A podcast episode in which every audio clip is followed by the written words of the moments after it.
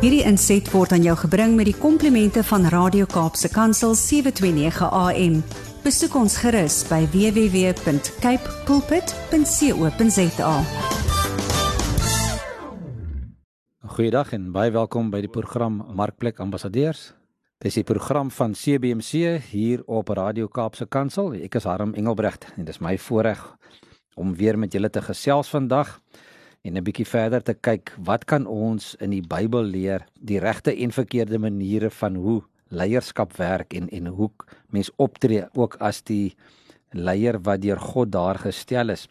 Ons is besig met 'n reeks en ons het nou al 'n hele klompie programme gedoen rondom Bybelse leierskap. En die van julle wat nou gereeld luister, sal onthou ek het uh, verlede week in die week daarvoor begin praat oor Samuel en en en uh, toe ook oor Saul en ek wil vandag bietjie verder gaan uh, met hulle en dan uiteindelik ook by by Dawid uitkom. So ek is nog steeds besig daar by 1 Samuel. Uh, 1 Samuel hoofstuk hoofstuk uh 10 het ons laas keer geëindig. En um, ons het gekyk na na toe Samuel nou uiteindelik of toe die volk uiteindelik nou 'n koning wou hê en hulle gesê het maar hulle wil 'n koning hê en toe Saul nou uiteindelik as koning as koning aangewys is en een van die dinge wat ons wat ons kan wat ons kan leer by Saul is dat hy hy's 'n ou wat 'n bietjie uh hy was moedig maar hy was ook ook lafhartig op 'n in, 'n mate. So toe Saul koning geword het. Hy sal ons onthou as jy die storie gaan lees dat die volk daar bymekaar gekom het en en Samuel het toe nou uh, uh, volgens Lot het hy toe nou 'n uh, uh, uh, stam gekies en die stam uh, Benjamin is toe gekies en uit die stam uit is toe nou ehm um, weer 'n familie gekies van Kis en Kis se seun Saul is toe nou aangewys as 'n as 'n koning uiteindelik die die eerste koning van Israel. Maar toe na lees ons daar in die Bybel, toe Saul het daar kop en skouers bo die mense uitgestaan. Um, hy was langer en groter as die ander. So hy het hy het koning geword en en, en party mense reken hy het koning geword eintlik as gevolg van sy voorkoms omdat hy so uit uitgestaan het. Maar Saul het nooit geleer om die inner innerlike gevegte te wen nie. Daai wroging binne in hom, daai stryd tussen wat reg en verkeerd is. Saul Jesus was 'n lang man, aantreklik en goed gebou, maar innerlik was hy maar 'n onindrukwekkende persoon. Ehm um, in die eerste plek, die, toe die oomblik aanbreek dat Saul gesalf moet word as koning, het hy het hy weggekruip. En ehm um, dis nogals interessant dat ons dit lees daar by 1 Samuel ehm um, uh hoofstuk 10 het ehm um, het, het toe toe toe Samuel nou daarso soos ek net verduidelik het eh, al die stamme van Israel het nader kom het en in die stam van Benjamin is toe aangewys en toe die stam van Benjamin die familie van Matar en toe Saul die seun van Kis en toe hulle vir Saul soek toe sê hulle maar Saul is aangewys maar waar is Saul?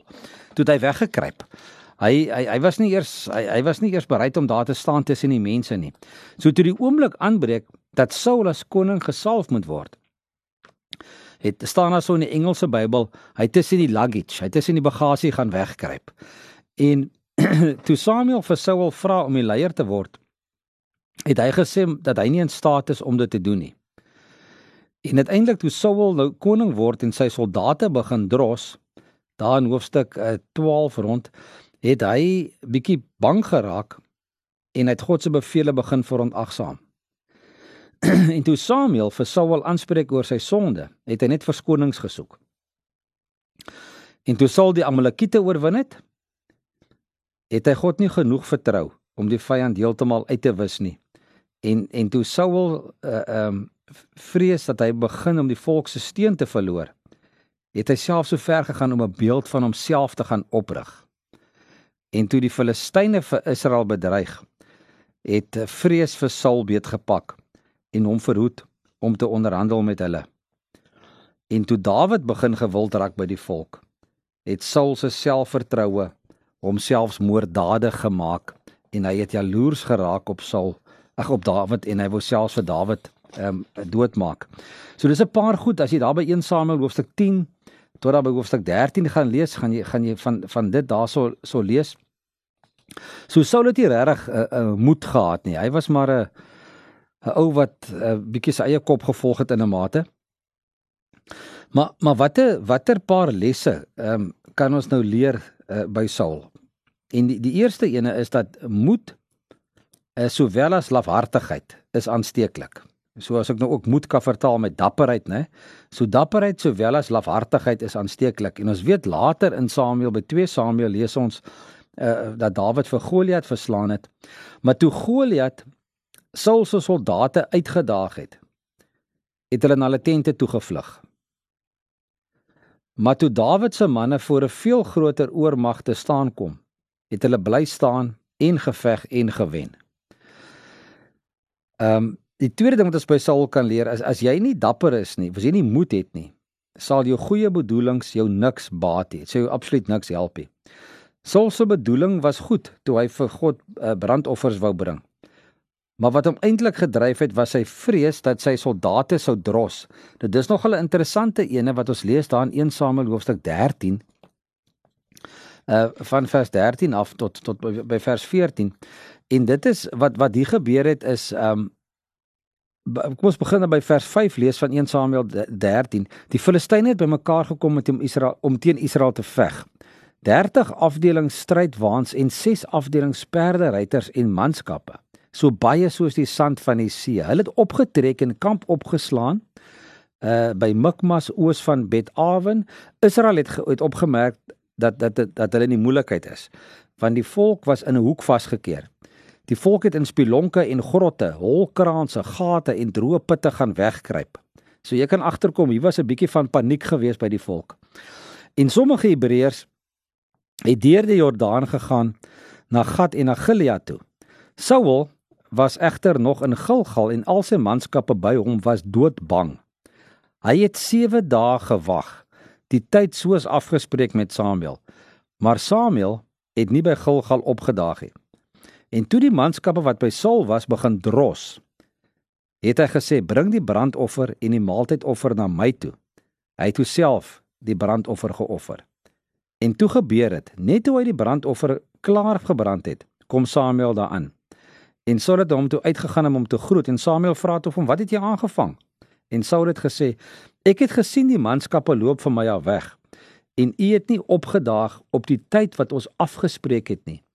Die Filistyne het bymekaar gekom by Mikmas en toe dink ek, hoor net Saul sê en toe dink ek, die Filistyne sal nou nou teen my afkom na Gilgal toe en ek het nog nie aan die Here offer gebring nie. Toe het ek dit gewaag om self die brandoffer te bring. En hoor wat sê Samuel vir Saul. Hy sê jy het dwaas gehandel. As jy maar die bevel van die Here jou God wat wat hy jou gegee het, nagekom het, waarlik, dan sou die Here nou jou koningskap oor Israel vir altyd bevestig het. Maar nou sal jou koningskap nie bestendig word nie. Die Here sal vir hom 'n man na sy hart soek Die Here sal hom aanstel as regerder oor sy volk, want jy het nie gedoen wat die Here jou beveel het nie. Ja, so Saul het, het sy eie kop gevolg. Hy het maar gedink wat hy doen reg is. Hy was maar bietjie bang geweest ook in 'n mate. En hieso sien ons hy so ook sommer self die brandoffer gebring het wat hy wat hy nie veronderstel was om te doen nie.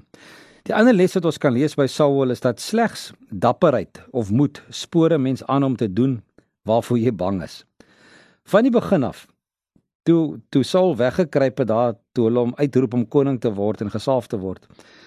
Vandat hy hy oomblik toe hy weggekruip het om te keer dat hy gesal word as koning, het Saul gewees watter gebrek aan moed hy het.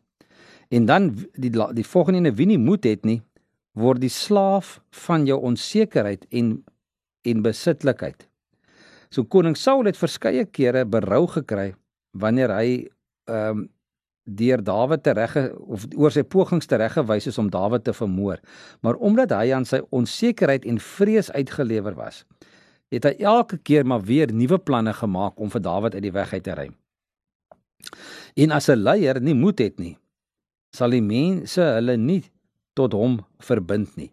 En dit is wat gebeur het. Hulle het nie Saul was nie 'n leier wat regtig waar ehm um, mense gehad het wat hom aangehang het en gevolg het en na hom opgekyk het as 'n goeie leier nie. Omdat hy ehm um, nie die dapperheid gehad het nie. En teen God se opdrag in het Saul en sy manne ook die beste van die Amalekitiese vee as byt geneem. Daar in in in 1 Samuel 15 lees ons dit. Saul het dit toegelaat omdat hy soos hy self erken het vir die manskappe bang was en na hulle geluister het. So Saul, as ons nou maar in Engels kan sê, was eintlik meer 'n people's pleaser gewees as wat hy as wat hy gedoen het om die om die Here uh, te gehoorsaam. En op 'n stadium daar in 1 Samuel uh 15 het het Samuel en Saul in 'n gesprek gewees. En Samuel sê toe daar vir Saul in vers 17 van van 1 Samuel 15 Al is jy klein in jou eie oë, is jy tog die hoof van die stamme van Israel. Die Here het jou gesalf tot koning oor Israel. Die Here het jou met 'n doel uitgestuur en hy het veel beveel. Trek op, bring die sondaars, die Amalekiete om die lewe. Jy moet teen hulle veg totdat jy hulle uitgeroei het. Waarom het jy nie na die bevel van die Here geluister nie? En waarom het jy jou aan die buit vergryp en hierdie ding gedoen wat verkeerd is in die oë van die Here? En Saul antwoord vir Samuel: "Maar ek het na die bevel van die Here geluister. Ek het gegaan om te doen waarvoor die Here my gestuur het. Ek het vir koning Agag van Amalek hierheen gebring. Ehm um, maar die Amalekiete het ek om die lewe gebring. Die, die, manskappe, nou hoor nou hierso, die manskappe het egter uit die byt kleinvee en beeste gevat, die beste van die wat van kant gemaak moes word om vir die Here te gaan offer in Gilgal. Toe sa antwoord Samuel hom: Is brandoffers en ander diereoffers net so aanneemlik vir die Here as gehoorsaamheid aan sy bevel? Nee. Gehoorsaamheid is beter as offerande. Om te luister is beter as die vet van ramme. Weerspannigheid is net so erg as die sonde van waarsêry. Eie sinnigheid is net so erg as die bedrog van afgoderry. Omdat jy die woord van die Here verwerp het, het hy jou nou as koning verwerp. Saul sê te vir Samuel: "Ek het gesondig want ek het die bevel van die Here en die opdrag oortree." Omdat ek vir die manskappe bang was en na hulle versoek wou luister. So ja, Saul wou graag gewild wees by by by by die by die ehm um, by die manskappe by die uh, toe hulle gaan oorlog maak het en hy het nie die bevel van van God nagekom nie. So ja, so dis bietjie moeilik om ehm um, om uh, iemand te kry om hulle self te verbind aan jou en jou te volg as jy as jy wankelrig is in in in jou gehoorsaamheid aan God. En dan die ander ding wat ons by Saul wil leer is 'n leier sonder dapperheid of sonder moed is maar traag om om die bekende agter te laat en aan te gaan aan dit wat die Here hom stuur. Ehm um, Saul het self so ver gegaan in 1 Samuel 28 om 'n dode besweerder te raadpleeg om by Samuel se se afgestorwe gees te gaan raad vra. Hy het eintlik so ver gegaan om soos amper voorvadergeeste wat wat 'n mens deesdae van hoor. Wat wat hy wat hy gaan vra, het weet vir 'n om vir 'n dode besweerder gaan praat met Samuel tog en vra vir Samuel uh, wat wat wat dink hy? Wat 'n blaatante oortreding is van God se voorskrifte, nê? Ons lees dit in 1 Samuel um, 28 daarvan vers 5 af. So die dapperheid het by het by Saul ontbreek om te vertrou dat God hom sou help om die onbekende toekoms te betree. Hy wou hy iemand moet met Samuel se se gees wat al reeds Samuel is reeds oorlede. Uh, hy wou gehad het iemand moet daarmee gaan kontak maak en en en en en so uh, wou hy weet wat hy moet doen in die toekoms sonder om op, om op God te vertrou. Ja, so goed wat hy gedoen het wat net heeltemal totaal buite God se orde is. En dan 'n ander ding wat wat wat wat hy gedoen het, ehm um, hy wat, wat ons kan leer by hom wat ons nie moet doen nie is 'n gebrek aan moed of aan dapperheid bring uiteindelik ook ondergang vir 'n leier. En dan 1 Samuel 31 lees ons dat Saul se gebrek aan moed um, hom nie net die troon van Israel gekos het en sy koningskap gekos het nie, maar ook sy eie lewe en die van sy seun uh, Jonathan wat ook uiteindelik um, sy rug op op hom gedraai het. En ja, so wat kan 'n mens nog van Saul sê? 'n Mens kan nie op jou eie belange en die van uh, fokus en dan ander mense lei nie. So wat Saul gedoen het, hy het gefokus op sy eie belange en dit wat hy dink uh, vir hom belangrik is en vir hom gemaklik is. Maar jy kan nie dit doen en dan nog ander mense lei daarmee saam nie. En as jy 1 Samuel 15 gaan lees, dan gaan jy dit daar raak lees en net om dit op te som. Die deur die profeet Samuel het God aan koning Saul die opdrag gegee om die Amalekiete en al hulle besittings te gaan vernietig. Niemand en niks moes gespaar wees nie. Ons het nou net daarna gekyk. En dit sou die deurslaggewende toets vir Saul wees of hy geskik is om God se volk te lei. En hy het gefaal in daardie opdrag. Al het sy leer die Amalekiete verslaan, was hy nog steeds ongehoorsaam aan God deur die koning te spaar en om die beste van hulle vee, van hulle diere uh, te vat. En toe Samuel vir Saul oor sy ongehoorsaamheid konfronteer, soos ons nou net gelees het, het hy 'n verskoning aangebied dat hy van plan was om hierdie vee te offer vir God. Sy verduideliking het egter geen indruk op op op op Samuel gemaak nie. Ehm um, nie in Samuel het het, het dit 'n indruk gemaak nie en ook nie in God se oë nie want hulle weet dat Saul nie die waarheid gepraat het nie. En van daai oomblik af was Saul se dae as koning eintlik maar getel en was sy sy bewind aan 'n einde gekom. En ja, wat is dit? Dit is net 'n kwessie van tyd voordat 'n leier se ware kleure na vore kom. Ehm um, nederig en gehoorsaam teenoor God of hardkoppig en selfgerig. En dit is 'n keuse wat elke persoon moet maak wat in 'n leierskapposisie is. Of dit nou in jou gemeenskap of in jou kerk of in jou bediening of by jou besigheid of by jou huis is. Hoe tree jy op as leier? Is jy nederig en gehoorsaam of teen nederig en gehoorsaam teenoor God of is jy hardkoppig en self uh, gesentreerd? En dis 'n belangrike verskil en dis 'n belangrike ding wat 'n mens na moet kyk. Um, as dit as dit kom by by by lesse oor leierskap uit die Bybel uit. En daar waar ons lees waar leiers nederig en gehoorsaam aan God was, was daar baie meer sukses as daar waar hulle hardkoppig en en selfgesentreerd was. En watter tipe leier was Jesus? Hy was natuurlik nederig en en gehoorsaam aan God. Hy het self gesê ek doen niks wat die Vader nie vir my sê om te doen nie. En hy het ook gesê ek het gekom om julle te dien, nie om gedien te word nie. So nederigheid en gehoorsaamheid was natuurlik by hom ook baie belangrik. Uh werklik gelowige leiers ehm uh, verbind hulle daartoe om God se opdragte te gehoorsaam. Of hulle dit heeltemal verstaan of nie, maak nie baie saak nie. Wat hulle wel weet is dat Samuel se woorde waar is. Waar in hoofstuk 15 vers 20 22 sê: Gehoorsaamheid is beter as offerande. Om te luister is beter as die vet van ramme. En ons lees ook daar in die Nuwe Testament waar waar Jesus ook gesê het, ehm um, dis belangriker om om om om hom te dien en om gehoorsaam te wees as om offers te bring. So ja, wat wat leer ons? Ons leer 'n paar dinge uit Saul se lewe uit. Uh hoe om hoe om dit nie te doen nie.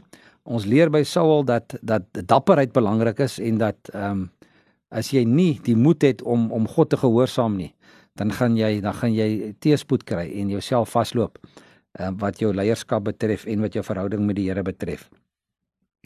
Ek wil volgende week bietjie verder met julle praat en dan wil ek kyk wat het gebeur nou ehm uh, toe Samuel nou uh, toe Saul se eie se koningskap nou op 'n einde kom en dan nou 'n volgende 'n volgende 'n uh, koning aangewys uh, en gesalf moes word en dit natuurlik uh, was koning koning Dawid. Maar ek praat daarmee uh, daaroor met julle volgende week bietjie verder. Uh vir nou is dit waar ek wil afsluit vir hierdie week en net vir julle weer ehm um, aanmoedig as julle wil verder luister na enige ander programme in hierdie reeks of ander programme wat ons op hierdie program al gedoen het.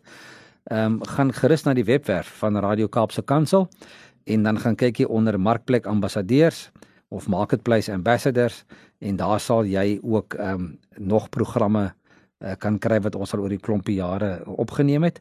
As jy meer wil weet van die bediening van CBMC waarby ek betrokke is, uh, die Christen Sakemanne of Christian Business Men's Connection, gaan kyk gerus op ons webwerf www.cbmc.co.za of stuur ook sommer vir my 'n e-pos na admin@cbmc.co.za. Ek groet julle dan daarmee tot volgende week. Totsiens. Hierdie inset was aan jou gebring met die komplimente van Radio Kaapse Kansel 729 AM. Besoek ons gerus by www.cape pulpit.co.za.